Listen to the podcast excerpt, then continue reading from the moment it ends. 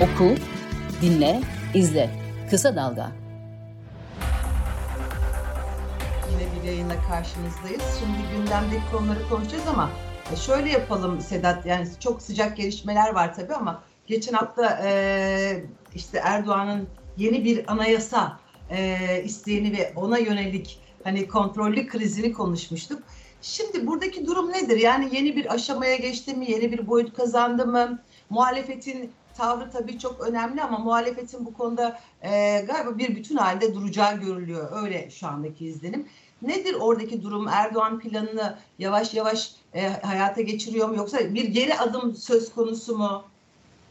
Yani orada bir e, yeni anayasa e, öyküsünü tepe tepe kullanacak seçime kadar. Yani onda ısrarcı meclis başkanının da devreye girdi. İşte parti liderlerini e, yeni anayasa başlığı adı altında ziyaret ediyor. Lider olmayanları grup başkan vekili yani parlamento çatısı altındaki bulunan partileri teker teker ziyaret etti. Etti dediğim daha HDP gitmedi. Yani grubu olanlar için söylüyorum. HDP Aha. gitmedi ama öbürleriyle görüştü. Özgür Özel'le görüştü, Meral Akşener'le görüştü, Saadet'ten e, o, Haluk Özdağ'la görüştü. E, ama hepsinden aldığı ortak yanıt var. Bu iş seçimden önce, yerel seçimden önce gündeme gelmesi bile doğru değil. Yani yerel seçimden sonra çünkü bir de iş, iş tüzük mevzusu var. Meclisin e, çalışmalarını düzenleyen iş tüzük mevzusu var. Anayasayla paralel olarak onların e, değiştirilmesi isteniyor. Hiçbirinden yani hangi yani biliyorlardı tabii olumlu yanıt olmayacaklarını ama e, olabildiğince bu e, yeni anayasa meselesini yaygınlaştırmak e, gündemde tutmak istiyorlar. Bir de biz gittik görüştük bakın onların da fikrini sorduk. İsteselerdi gelirlerdi. Onlar da elin taşın altında koyabilirlerdi diye bir söylem üstünlüğünün de hazırlığı bu. Ön alıyorlar tabii dediğim gibi ön alıyorlar. Hani biz yeni bir anayasa ihtiyaçtır dedik teker teker gittik ayaklarına gibi. Ama bu cümleleri kurmazlar muhtemelen. Biraz daha zamana yayarlar. Ama ben yeni anayasa şeyini hani bu krizi de biraz uzatarak e, sürdürecekleri kanısındayım. Çünkü ortada yani böyle tartışılacak bir mesele bile yok. Yani bir anayasadan kaynaklanan çelişki, anayasadaki muğlak ifadeden kaynaklanan bir görüş ayrılıkları yok. Yani dar tarafının söylediği yani MHP tarafının kabaca söylediği e, AK Parti tarafının da hani Mehmet Uçum üzerinden fantaziyle söylediği e, Erdoğan'ın da teknik olarak söylediği şeylerin hiçbiri geçerli değil. Çünkü anayasanın 153. maddesi der ki Anayasa Mahkemesi kararları herkesi bağlar. Nokta. Şimdi e, bunu ilkokul çocuklarına bile okutsanız ne anladın diye bir kompozisyon yazın deseniz çok rahat bir şekilde anlatırlar. Hani orada şöyle bir hüküm yok. Anayasa Mahkemesi'nin doğru olan kararları herkesi bağlar deseler onu tartışırız. Ama karar yanlış da olsa, doğru da olmasa herkes uymak zorunda. Yani anayasa hükmü bu. Beğen, beğeniyor musunuz siz? E, beğenmeyebilirsiniz. Bunu eleştirirsiniz ama uyguladıktan sonra bu görüşlerinizi dile getirirsiniz. Ee, anayasanın 158. maddesi de e, Erdoğan'ın, Yargıtay Başkanı'nın ve Adalet Bakanı'nın söylediklerini boşa çıkarıyor. O da diyor ki e, yüksek yargı e, mahkemelerinin kararları arasında çelişki ortaya çıkarsa Anayasa Mahkemesi'nin kararı esas alınır. Hı hı. Yani Anayasanın 158. maddesi yüksek yargı organları arasında bir hiyerarşi oluşturuyor. En yukarıya Anayasa Mahkemesi'ni koyuyor. Diyor ki yargı kararları arasında bir çelişki ortaya çıkması durumunda Anayasa Mahkemesi'nin kararı geçerlidir. Şimdi bu iki madde çok açık. Evet. Yani e, hukukun başlangıcı olarak kabul eden e, metinlerde bile e, açık metinler ekstra yorumlamaya e, müsait değildir derler. Bunlar çok açık. Bunun, bunun üzerine bir konuşma, bir tartışma yaşanıyor olması bile e, bir acayip. Ama e, Erdoğan siyaseti, AK Parti siyaseti ya da tartışmaları getirmek istediği zemin hep şu. E, ne yazarsa yazsın mesele değil. Siz ben ne diyorum ona bakın. Yani evet. Biz Anayasa 101'i de böyle tartıştık. Anayasa 90'ı da böyle tartıştık. Yazılı metinlerin tamamını biz böyle tartışarak e, e, tükettik, tükettik de demeyelim işte. Hep arıza çıktı. Yani anayasayla çelişen uygulamaların tamamı memlekette ciddi bir kaos, kalıcı kaos haline getirdi. Yani 16 Nisan 2017 referandumdan itibaren bakın o referandumda anayasa değişiklikleri teknik olarak geçmiş değildir. Yani bugün Anayasa Mahkemesi'ne yaptıkları bir eleştiri var işte yasam organı yerine koyuyor kendisini diye. O gün de Yüksek Seçim Kurulu yasam organı yerine koydu, kendisine koydu. Kesinlikle. Seçim yasasındaki hüküm çok açık. Ne diyor? Mühürsüz zarfların içindeki oylar geçersizdir. Nokta. Bu bir yasa. Yani Türkiye Büyük Millet Meclisi toplanmış, bu maddeyi görüşmüşler, kabul etmişler, resmi gazetede yayınlanmış ve yıllarca uygulanmış bir hüküm. Seçim yasasının hükmü. E, Yüksek Seçim Kurulu o gün oy sayımının yarısında dedi ki mühürsüz zarfların içindeki oy. oylar da geçerlidir. E, Yüksek Seçim Kurulu'nun aldığı karar yasadan üstün olabilir mi? Olamaz tabii ki. Olamaz. E peki nereye gideceksiniz? Yüksek Seçim Kurulu kararları için gideceğiniz merci de yok. Hani MHP Kesinlikle. MHP itiraz ediyor ya Anayasa Mahkemesi'nin kararları denetlenemiyor diye. Anayasa mahkemeleri böyledir zaten. E siz YSK'nın kararları denetlenemiyor. Ona itiraz ettiniz mi o gün? Yok. Hayır. Niye? Niye fayda var? Yani o yüzden e, belli bir e, mantık e, silsilesinden çıkmış her tartışmanın iktidarın faydalanmak amacıyla çıkardığını çok net bir şekilde e, bu pratikler bize söylüyor. Yani bizim ekstra bir yorum yapmamıza, bir iddiada bulunmamıza ihtiyaç yok. E, bunların tamamı üç, üç kez adaylık meselesi de. Yani seninle de konuşuyoruz. Kesinlikle. Üç kez adaylık meselesi de bir anayasa, YSK'nın yasama organı yerine geçerek yeni bir anayasa yapması. Bak yasa bile demiyorum, anayasa yapması. Yani anayasanın açık hükmü olmasına rağmen o hükümden 180 derece farklı bir karar veriyorsa YSK, bu anayasanın hiçbir maddesi geçerli değildir. Yani Kesinlikle. anayasanın o değiştim, değiştirilemez, değiştirilmesi teklif dahi edilemez ilk üç maddesi var ya, dördüncü maddede böyle bir güvence altına alındığını varsaydığımız. YSK toplansa oradaki yani e, işte Türkiye Cumhuriyeti Devleti e, sosyal, laik, demokratik bir hukuk devletidir şeyinden bir kavramı çıkarsa, laikliği çıkarsa ne yapacaksınız? Ne yapacağız? Hiçbir şey. Hiçbir şey. Gerçekten söylüyorum hiçbir şey. Yani hiçbir, yani bir organ, yani bir kurul, bürokratik bir yapı bunlar. Yani Anayasa Mahkemesi de bürokratik bir yapıdır. Atamayla oluşuyor. Yüksek Seçim Kurulu da bürokratik bir yapıdır. Şimdi bürokratik yapılar sizin anayasanızda bu kadar geniş bir alanda yorum yapabiliyorlarsa o ülkedeki anayasa başta olmak üzere temel yazılı metindir o. Hiçbirinin anlamı yoktur. Yani burada tartışılması gereken şudur. Ee, anayasaya uymayan bir yargıtay var. Evet. Sadece 3. Ceza Dairesi değil, Yargıtay Başkanlığı da bu 3. dairenin kararına sahip çıkarak aynı ihlali yapmıştır. Siz kurum olarak, bir yüksek yargı organı olarak Anayasa Mahkemesi'nin kararına uymak zorundasınız. Ondan sonra tartışırsınız. Hatta Yargıtay şöyle bir e, sempozyum düzenleyebilir kendi içinde. Hatta iç eğitim bile düzenleyebilir. E, anayasanın tartışmalı kararları başlığı altında bir sempozyum düzenleyebilir. Getirirsiniz oraya. Anayasanın mahkemesinin bugüne kadar verdiği bütün tartışmalı kararları siz kendi hukuki gözünüz üzerinden bakarak e, masaya yatırırsınız. Buradan bir sonuç çıkarırsınız. Da bunu bir çalıştaya da dönüştürürsünüz. Götürürsünüz, yürütmenin önüne koyarsınız.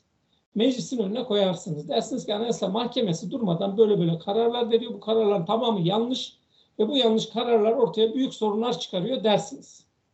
E bunu yapmanız için de önce Anayasa Mahkemesi'nin verdiği karara Anayasanın Uyacaksın. 153. maddesi uyarınca mutlak uymanız gerekiyor.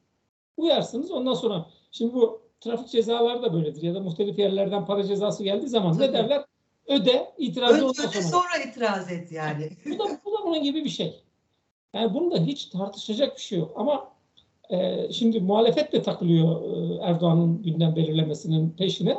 Uzun uzun bunu tartışıyoruz. Böyle tartışacak bir şey yok. Gerçekten yok. Yani, e, ne, ne yapacaksınız şimdi? Anayasa Mahkemesi hakkında suç duyurusunda bulunmuştu. O zaman bir tane uygun savcı bulun. E, Anayasa Mahkemesi üyelerinin tamamını e, tutuklayın. Gözaltına alın. Mahkemelere çıkar. Bu da oldu. Yani Anayasa Mahkemesi üyeleri ancak kendileri tarafından yargılanabilir. Yani böyle gözaltına almak falan da çok kolay değil. Özel bir ya- ka- kanunları var. E, Buna rağmen 15 Temmuz'da iki tane üyesi işte gece yarısı alındı götürdü hala içeride tek kişilik hücrede kalıyorlar. Yani şimdi onlara ilişkin suçlama FETÖ diye e, bu, bunu da görülmezlik yapmamak lazım. Orada da bir hukuk anayasa ihlali vardı. Öznelerden bağımsız, suçtan, eylemden bağımsız olarak söylüyorum. Ama işte buralara böyle geldik. Yani böyle anayasa yavaş yavaş e, devre dışı bırakılarak e, buraya geldik. Artık e, hani anayasa yerine e, MHP'nin, MHP Genel Başkanı'ndan işte ya da Anayasa Mahkemesi e, Ba- Cumhurbaşkanı'nın ne dediğine bakmak lazım. E, önce normal koşullarda bunların ne dediğine bakıp ondan sonra anayasaya bakardık uygun mudur değil midir diye. Şimdi hiç anayasaya falan bakmanıza gerek yok. Demirel şöyle bir siyasetçiydi. Herhangi bir tartışma olduğunda o tartışmaya müdahil olacaksa hemen cebinde küçük bir anayasa taşırdı. Aynısından bende de var. Ve onu gösterdi. Ben demiyorum anayasa diyor derdi. Ya da çıkardı anayasayı cebinden gösterdi der ki beni hiçbir şeye bağlamaz bu bağlar derdi. Bitirirdi yani, işte. Yani. Yani Erbakan'ın bakın sosyal medyada dolaşan sosyal medyada dolaşan bir videosu var. Tam e, Refah Partisi kapatıldığı an, açıklandığı an kapatma kararı basın toplantısı yapıyor. E, Anayasa Mahkemesi hepimizi bağlar. Önceliğimiz bu, kar, bu karara uymaktır. Yanlış da olsa, çok vahim hatalar da barındırsa ona uymak zorundayız diye basın açıklaması yaptı. Hemen karardan yarım saat, bir saat sonra.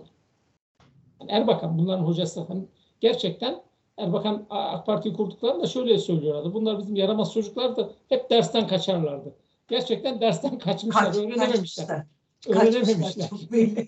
Öğrenememişler ama bedelini de tüm ülkeye ödetiyorlar ne yazık ki yani. Tabii sıkıntı o zaten. Bütün sıkıntı o. Yani gerçekten bir anayasal düzen ortadan kalktığı zaman sizin ne devletiniz kalır ne toplumsal toplumsal yapıyı siz barış içinde e, uyumlu bir şekilde bir arada tutamazsınız.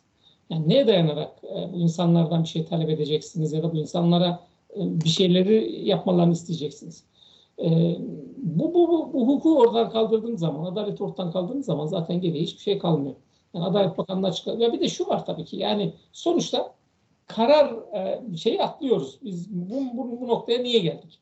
Ya milli irade Hatay halkının seçtiği bir milletvekili var. Kesinlikle. Yüksek Seçim Kurulu biraz önce söyledim. Kendini durmadan yasama organı yerine koyan Yüksek Seçim Kurulu demiş ki Can Atalay'a evet bu adam milletvekili seçilme niteliğine sahip. E, Hatay halkı da oy vermiş ve milletvekili seçilmiş. Milletvekili seçilme kısmında hiçbir sıkıntı yok. Milletvekili seçildikten sonra sen yargıyı hızlandırıyorsun, buna hüküm veriyorsun. Oysa milletvekili seçildiği zaman yasama dokunulmazlığına sahip oluyorsan o yargıyı orada durduracaksın.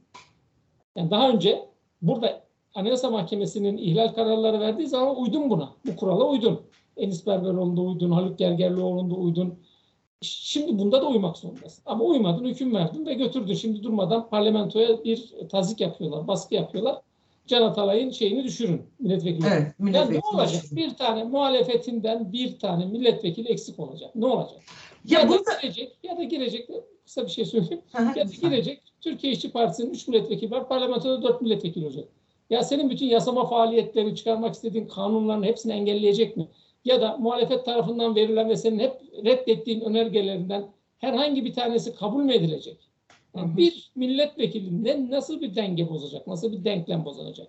İşte ben de onu soracağım. Yani şimdi burada hani baktığımız zaman Can Atalay üzerinden bu süreç gelişti. Şimdi bu Can Atalay'ın e, özel kişiliğinden kaynaklanan bir şey mi yoksa e, Can Atalay'ın durumunu bu krizi çıkarmak için bahane olarak kullandı ve bu nedenle de Can Atalay'ı asla bırakmak istemiyorlar mı? Yani Can Atalay'ı burada nereye oturtacağız? Can tabii ki çok önemli, çok değerli bir e, isimdir. Yani hani şahsen de tanıdığımız, tanımasak bile verdiği mücadeleleri bildiğimiz bir isimdir ama Can Atalay'ı burada öyle bir yere getirdiler ki bu krizin ana noktası aslında ana çıkış noktası oldu ve bu nedenle de bir türlü bırakılmayacak ya da bırakılmak istenmiyor. Bu Can'ın Can'ın özel durumuyla da açıklamak mümkün mü değil mi şimdi? Ya özel durumuyla çok olduğu kanısında değilim. Çünkü Yargıtay Anayasa Mahkemesi arasında uzun zamandır bir şey var. Gerginlik var işte bu özellikle bireysel başvurulardan sonra. Çünkü Yargıtay son e, karar verici olmak istiyor. Anayasa Mahkemesi e, son karar verici haline geliyor. Yani Yargıtay'ın kurduğu hükmü Anayasa Mahkemesi bozarak ilk derece mahkemeye tekrar gönderiyor. Burada da prosedür böyle işlemeliydi. Yani buranın muhatabı 3. Ceza Dairesi değil Yargıtay'ın. Buranın muhatabı İstanbul 13. Ağır Ceza. Evet. E, yani şey öyle, prosedür öyle. Ama 13. E, Ağır Ceza ilk zaten e, sakat karar orada başladı. Bunu tuttu. Bunun muhatabı ben değilim dedi. Üçüncü e, ceza dairesine gönderdi Yargıtay'a. Oysa ki ilk derece mahkemedir. İlk derece mahkemeden sonra mahkeme bir karar verir. Bu bir karar değil yani. Üçüncü ceza dairesine gönderiyorum demek 13. ceza 13. ağır ceza için bir karar değildir.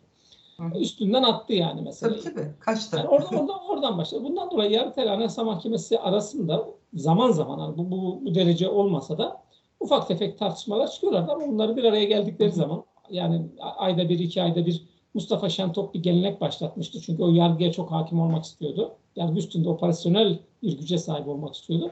Bütün e, yüksek yargı organlarının başkanlarına, Adalet Bakanlığı falan bir arada muhtelif zamanlarda yemek e, getir yemek ediliyordu.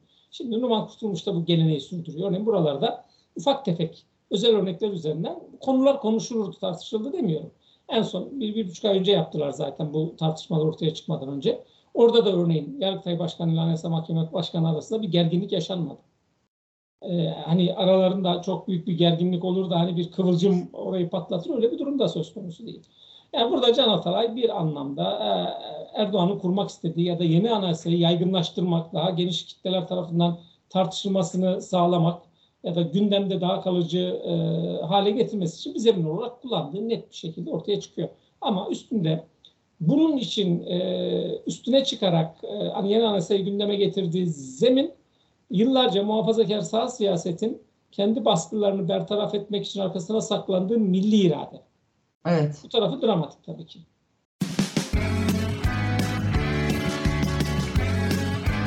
Oku, dinle, izle.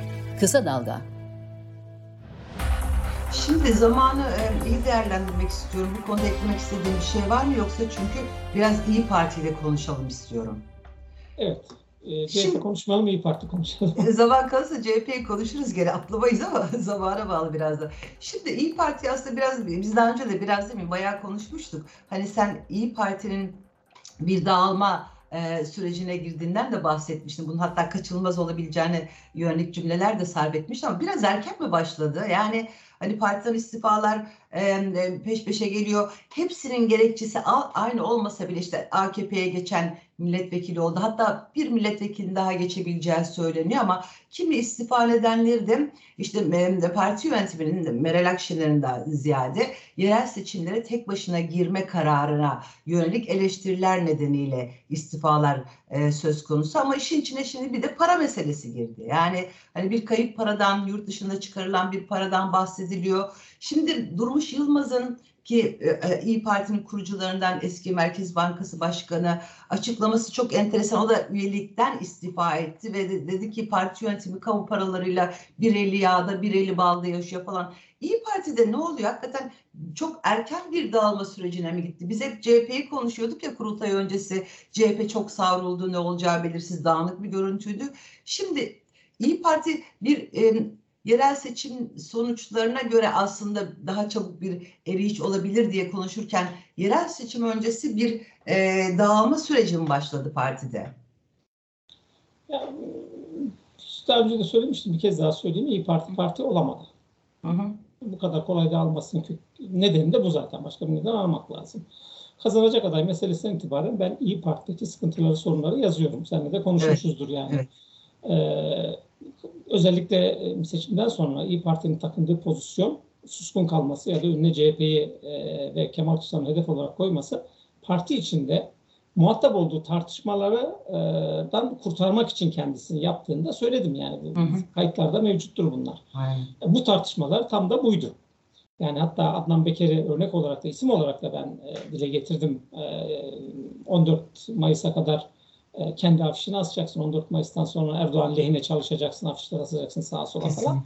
E, bunları da hepsini de söyledim yani burada hepsi kayıt altında.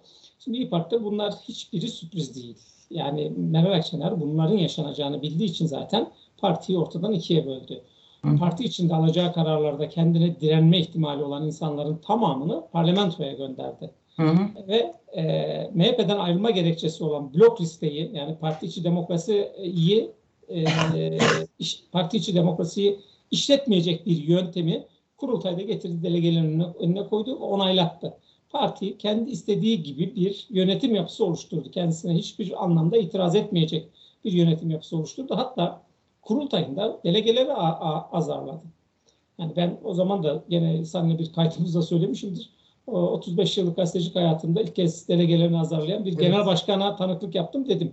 Kesinlikle. Ee, şimdi bunların hepsinin bir nedeni vardı. Parti içi tartışmaları e, bertaraf edebilmek ya da örtebilmek. E, ama olmadı. Örtülmedi. Ört, örtülmez zaten çünkü çok ciddi ve çok vahim. Hani siz kazanmış olsaydınız bir şekilde iktidarın paydaşı oldu, olsaydınız belki bu, bu tartışmalar yaşanmazdı. Tolere edilirdi ama kaybettiniz. Ve aynı Birinci Dünya Savaşı'nda olduğu gibi yani bunu yazdığım için de söylüyorum. Ee, biz kaybetmedik, Almanlar kaybettiği için biz kaybetmiş sayıldık moduna girdi. Olmadı bu. Ee, oradaki istifaları ikiye değerlendirelim. Bir, hani bir takım özel ilişkilerle bu iddiaların da temelini oluşturan e, bir takım iddialar nedeniyle listelere konulup listelerde yer bulup milletvekili olup ayrılıp AK Parti'ye gidenler şimdi Hasan Peker'in gideceği ev tuvası İstanbul milletvekili vardı da oraya gidecek. Sayılar Evet. da çoğalabilir.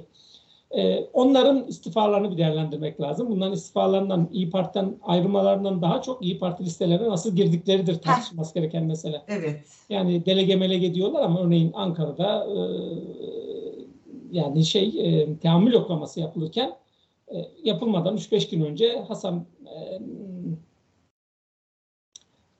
Beker Beker'di? Adnan Beker. Adnan Beker. Adnan Beker e, pek çok insanı genel merkez üzerinden e, Ankara İl Örgütü'ne kaydettiriyor. Hı hı. Ve sadece onları e, teamül yoklamasına getiriyor. Hatta teamül yoklamasının yapıldığı salonda kavga çıkıyor. Hı hı. Çok ciddi bir kavga çıkıyor. Teamül yoklaması geçersiz sayılıyor. Şenol Sunat, şimdiki e, milletvekiliydi. E, o orada görevli parti adına. Ve fiziki olarak müdahale görüyor. Fiziki olarak müdahale görünce diyor ki bu teamül yoklamasını ben iptal ettim diyor. Genel merkeze bir baskı kuruluyor ve genel merkezden gelen talimat üzerine Şenol Sunat iptal kararını geri alıyor. Ve böylece de kendi birinci sırayı garantiliyor Manisa'dan. Şimdi böyle bir e, iddianın bulunduğu partide e, siz e, kendinizi anlatmakta da bu iddialara yanıt vermekte şey kalırsınız. Hayır o zaman kalırsınız. o zaman Meral Akşener bu, bu o zaman da işte hani konuşulmuştu bu para meseleleri nasıl yazıldığı insanların. O zaman çok sert yanıtlar vermişti. E, niye savunma biliyorsun? Saldırıdır. E, ne diyecekti yani? Hepsi doğru mudur diyecekti. Ama bu, bu, bu, bu burada o yüzden yani iki kategoride değerlendirmek Hı hı. lazım. Bunlar oraya gidecekler ve gidecekleri listelere konulduğu zamanlarda belli. Yani nasıl geldikleri belli, ne yaptıkları belli. Yani ne, ne bir işte Eskişehir e, milletvekili ne bir Hatimoğlu. E, genel merkezin e, müdahalesiyle e, teamül yoklamasında birinci geliyor zaten. Yani genel merkez devreye girmese listelere bile giremeyecek belki. E, bizzat genel merkez her ikisini de müdahale ederek listelerin birinci sırasına e, yerleştiriyorsa buradaki muhatabınız e, birinci sıradan milletvekili seçilerek İyi Parti'ye gelip sonra istifa ederek AK Parti'ye gidenler değildir. E, değildir. E, genel merkez böyle işlerin altında kalır mı kalmaz mı bilmiyorum. Öbür tarafta ilkesel olarak yani gerçekten partinin yönetim biçimine itiraz edip ayrılanlar var. Evet, E, bunlar önemli. Yani kesinlikle. bunların arkasında daha gelecek. Müthiş bir hoşnutsuzluk olduğunu söylemek lazım. Örneğin iki par partiyi ikiye ayırdı demiştim Meral. Akşener. Genel merkezde kısmen tolere ediyor sıkıntıları, sorunları ortaya çıkan arızalar ama henüz Türkiye Büyük Millet Meclisi grubu girmedi devreye. Bakın hı. oradan hiçbir itiraz, hiçbir şey yok şu ana kadar, eleştiri yok. Orası İyi Parti'nin taşıyıcı kadrosu yani MHP'den gelen milliyetçiliği temsil etme yeteneği olan insanların tamamı Musavat Dervişoğlu'dan Koray Aydın'ına, Cihan Paçacı'ya kadar hepsi oradalar. Şimdi o, oradan bir reaksiyon gelmedi, oradan bir tepki gelmedi. Daha gelecek oradan. Tabii yani biraz daha yol alındığı zaman çünkü bu kriz e, hemencecik bitecek, yok olacak bir kriz değil. E, bu adaylık meselesinde yani bugün adaylık meseleleri de gündeme gelecek. Buradan yırtmasının koşulu Meral Akşener'in Özgür Özel'in ben o zaman söylemiştim e, kurultayı kazandığı zaman Meral Akşener'i rahatlattı diye. Ankara İstanbul'a e, Mansur Yavaş'la Ekrem İmamoğlu'na destek verdiğini açıklayarak e, bu krizi biraz öteleyecek. Başka başka bir elinde argümanı yok. Ama Bu sanki ama sanki o yolu tercih etmeyecek gibi görünüyor. Yani hani Başka- parti yönetiminden başka- yapılan açıklamalar öyle o yönde çünkü. Başka seçeneği yok. Yani ne olacak parti yönetiminden açıklamalar, kendisinden açıklamalar çok önemli şeyler değil bunlar. Türk siyasetinde iki gün sonra unuturuz bunları. Hı hı. E, ve onlar kazanırsa bunlar kendine bir başarı öyküsü yaratarak e, genel başkanlıktaki süresini uzatmaya çalışacak. Ama ben çok olacağı kanısında değilim. Alacağı oy oranı çünkü İyi Parti'nin e, MHP'nin yarısına düşecek. Şimdi MHP ile hemen hemen kafa kafaya ama çünkü o kriteri o. E, Kesinlikle. ölçü o orada çünkü yani MHP'nin neresindeyiz? E, yani %6'ya %7'ye oyu düşmüş İyi Parti karşısında %13, %14'e çıkmış bir MHP bulunursa o partiyi yönetemezsiniz. O partide dağılma daha hızlanır. Yani dağılma hızlanmazsa bile hemen bir olağanüstü kurultay e, talebi ortaya gelir ve bunun için çalışmalar başlar. Belki Meral Akşener ayrılır gider. Bunun üzerine bir olağanüstü kurultay toplanır. O zaman bir kayyum heyeti muhtemelen kim olursa olsun İyi Parti'nin başına geçerler ve MHP ile birleşmenin yollarını ararlar. Baş, tabii o, MHP'den şey gelirse, yeşil ışık gelirse. e, o, o kayyum heyetinin kimler tarafından temsil edeceği de belli. Öyle MHP kapılarında herkese açmaz yani. Yani. E, yani İyi Parti oraya doğru hızla gidiyor, görüyoruz ve bu e, gidişte e, hani kendisini iyicene işte yani Ocak ayında, Şubat ayında göstermeye başlamıştı. Hı hı. E, hani yeni bir şey değil yani hemen hemen 10 aylık bir mevzu ama e, İyi Parti ve İyi Parti'nin direksiyondaki Meral Akşener'in yani muhalefete ne kadar katkı sağladığı, ne yaptığı, e, buradaki varlığı, muhalefet bloğundaki varlığı iyi mi oldu, kötü mü oldu? Gerçekten bu hani biraz daha zaman geçtikten sonra bilimsel olarak yani tarihçiler tarafından da siyaset bilimciler tarafından da ele alınacaktır. Ve e, Meral Akşener'in e, hani MHP'den ayrılması, MHP'de olağanüstü kurultay toplayacak kadar delege imzasına sahip olması bir tarafta yazılacak ama e, rakipleri olan e, AK Parti'nin karşısında yani Erdoğan'ın karşısına e, bir aday olarak e, Abdullah Gül'ün çıkmasını engellemesi hep soru işaretleriyle o tarih bilgisi arasında yer alacaktır.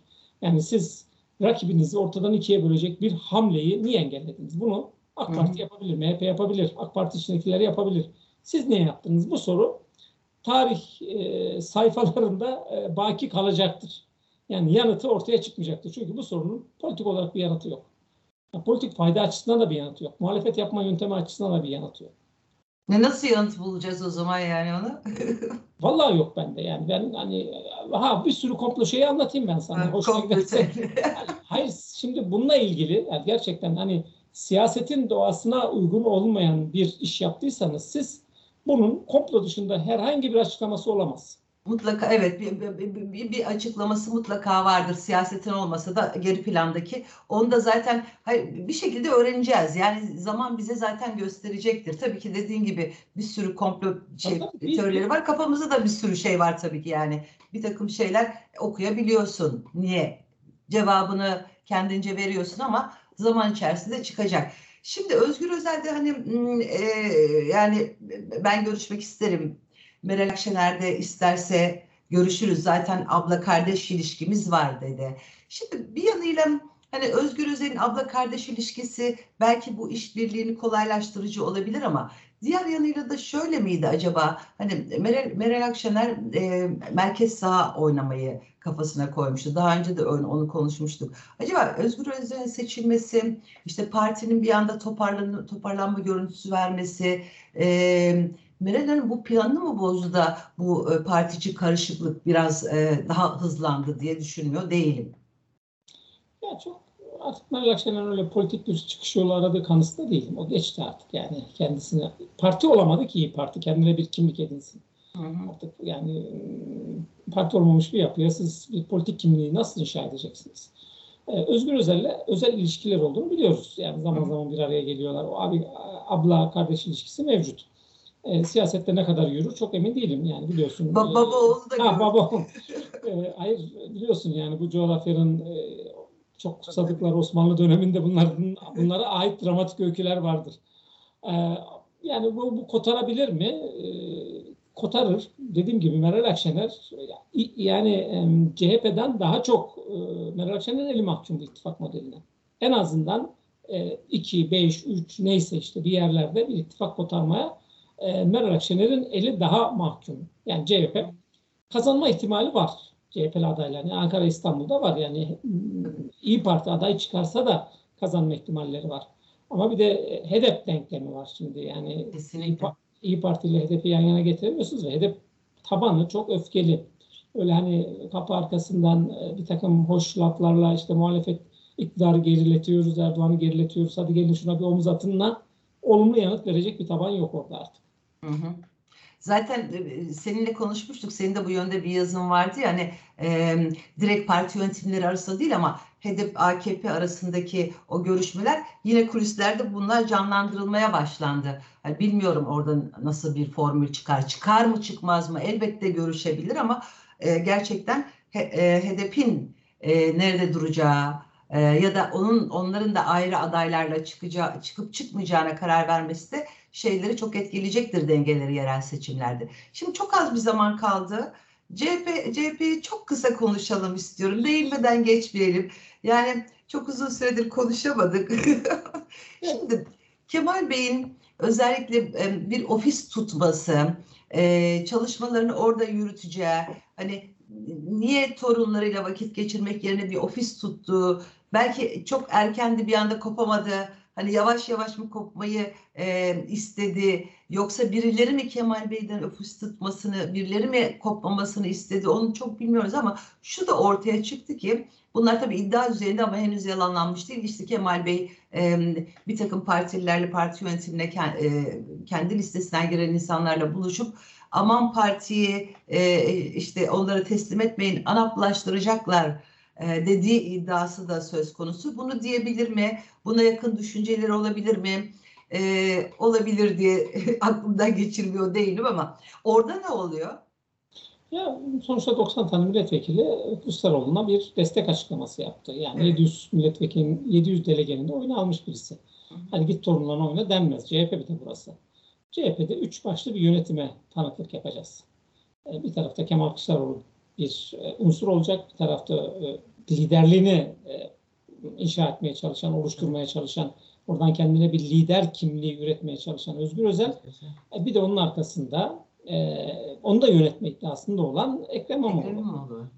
Ve bu CHP'nin yönetilemez bir hale gelmesine neden olabilir. Çünkü bunu daha önce de gördük. Özal'ın anapında da gördük e, siyasi yasaklı döneminde Refah'ta hatta Fazilet'te de gördük. Yani Recai Tutan'ın yönettiği parti yönetilemediği için içinden yenilikçiler çıktı. Numan Kurtulmuş'un yönettiği Saadet Partisi yönetilemediği için ayrıldığı bir başka parti kurdu. E, ANAP'ta da bunları yaşadık. DYP'de de bunları yaşadık. İşte ayrıldılar. Cindoruklar, Demokrat Türkiye Partisi'ni falan kurdular.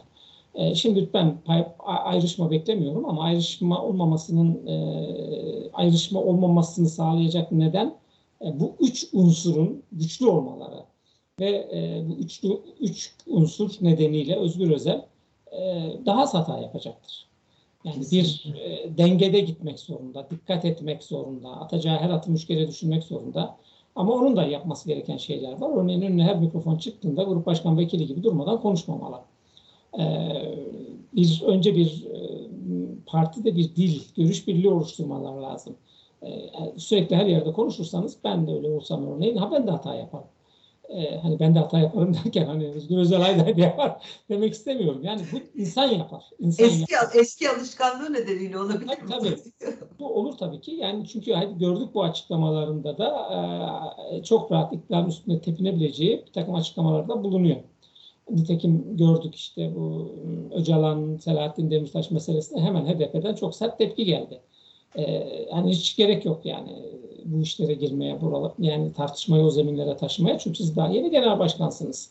Ee, ekstra bir tartışmaya ma mal yaratacak açıklamalarda bulunmamanız lazım. Artık kurumsal temsil kimliğiniz mutlak. Yani grup başkan vekilliğiyle sınırlı değil. Ee, o nedenle birazcık daha dikkat ederek yol alması gerektiğini, gerektiğini düşünüyorum. Çünkü bir yerel seçim var. Orada belediye başkan adayları belirlenirken çok ciddi bir stres oluşacak o partide. Kesinlikle. Yani çünkü bir hani ön seçim vaadiniz vardı. Ön seçim vaadinizi bir köşeye bıraktınız. Ön seçim vaadi evet. sağlıklı mıydı, sağlıksız mıydı? O da başka tartışma konusu. İyi Parti'ye girer tartışıyoruz işte. Hepsi ön seçimde birinci sırada geldiler falan. Ama CHP'nin delegesi birazcık daha bilinçlidir bu anlamda. Yani o, onlarla kıyaslamak lazım ama e, belediye başkanlarının devreye girmesinden sonra o niteliğin de büyük bir kısmının ortadan kalktığını görüyoruz. Belediye Maalesef. çalışanlarının delege e, haline dönüştürüldüğünü ve bunların bizzat belediye başkanları tarafından yapıldığına tanıklık yaptık. Ee, bir de ortaya çıkıyor. Üç tane belediye başkanımız iyi ama öbürleri kötü gibi. Aynı bu anlamda bir açıklamada bulunuyor. Yani bu hoş bir açıklama değil. Siz genel başkansınız. Ee, hani neye göre başarısız? Bunun bir şeyini koymanız lazım. E bir de ilkesel olarak atamayla belediye başkanı olan yerler var. E, buralara ilkesel olarak demeniz lazım ki biz buralara bunları atacağız. E, aynı şekilde Ekrem İmamoğlu'nun da söylemesi lazım. Şimdi İstanbul'da konuşuluyor. Ekrem İmamoğlu bütün yakın çalışanlarına birer tane ilçe belediye başkanlığı ayarlamış e, deniliyor. Doğru mudur bu? Doğrudur çünkü talebi İstanbul'u komple bütün adaylarını belirlemek. Yani e, Kemal Kılıçdaroğlu'na itirazının kökeninde de bu yatıyordu zaten. İstanbul'un bütün şeyini bana ver diye cümle kurmuşluğu var Kemal Kılıçdaroğlu'na karşı. Ya bu doğru mu, yanlış mı, iyi mi, kötü mü başka bir şey. Hani uyum içinde çalışmaları tamam ama e, atamayla belediye başkanlıkları böyle paylaşılacak e, bir yer e, değil. Hele Oradan siz bir iş, siyaset inşa edeceksiniz. Orada orada bir direnç noktası haline dönüştüreceksiniz siz. Yani işi zor. Üç ayrı parçalı bir CHP'den yani her partiden bir haber kaynağı ortaya çıkarken burada üç ayrı haber kaynağı ortaya çıkacak. Bakalım ne olacak. Ya evet CHP yani kısa konuştuk ama sonra konuşalım çünkü daha önce demiştik ki yani Kemal Kılıçdaroğlu sanki hiç ayrılmayacakmış gibi ki kendi e, e, yetkisi dahilinde olmadan e, bol keseden belediye başkanları açıklamaya başlamıştı. Onlar ne olacaklar? Onları da konuşmamız lazım ama başka programa. Teşekkür ediyorum Sedat. Görüşürüz. Hoşçakal. Görüşmek dileğiyle. Hoşçakalın.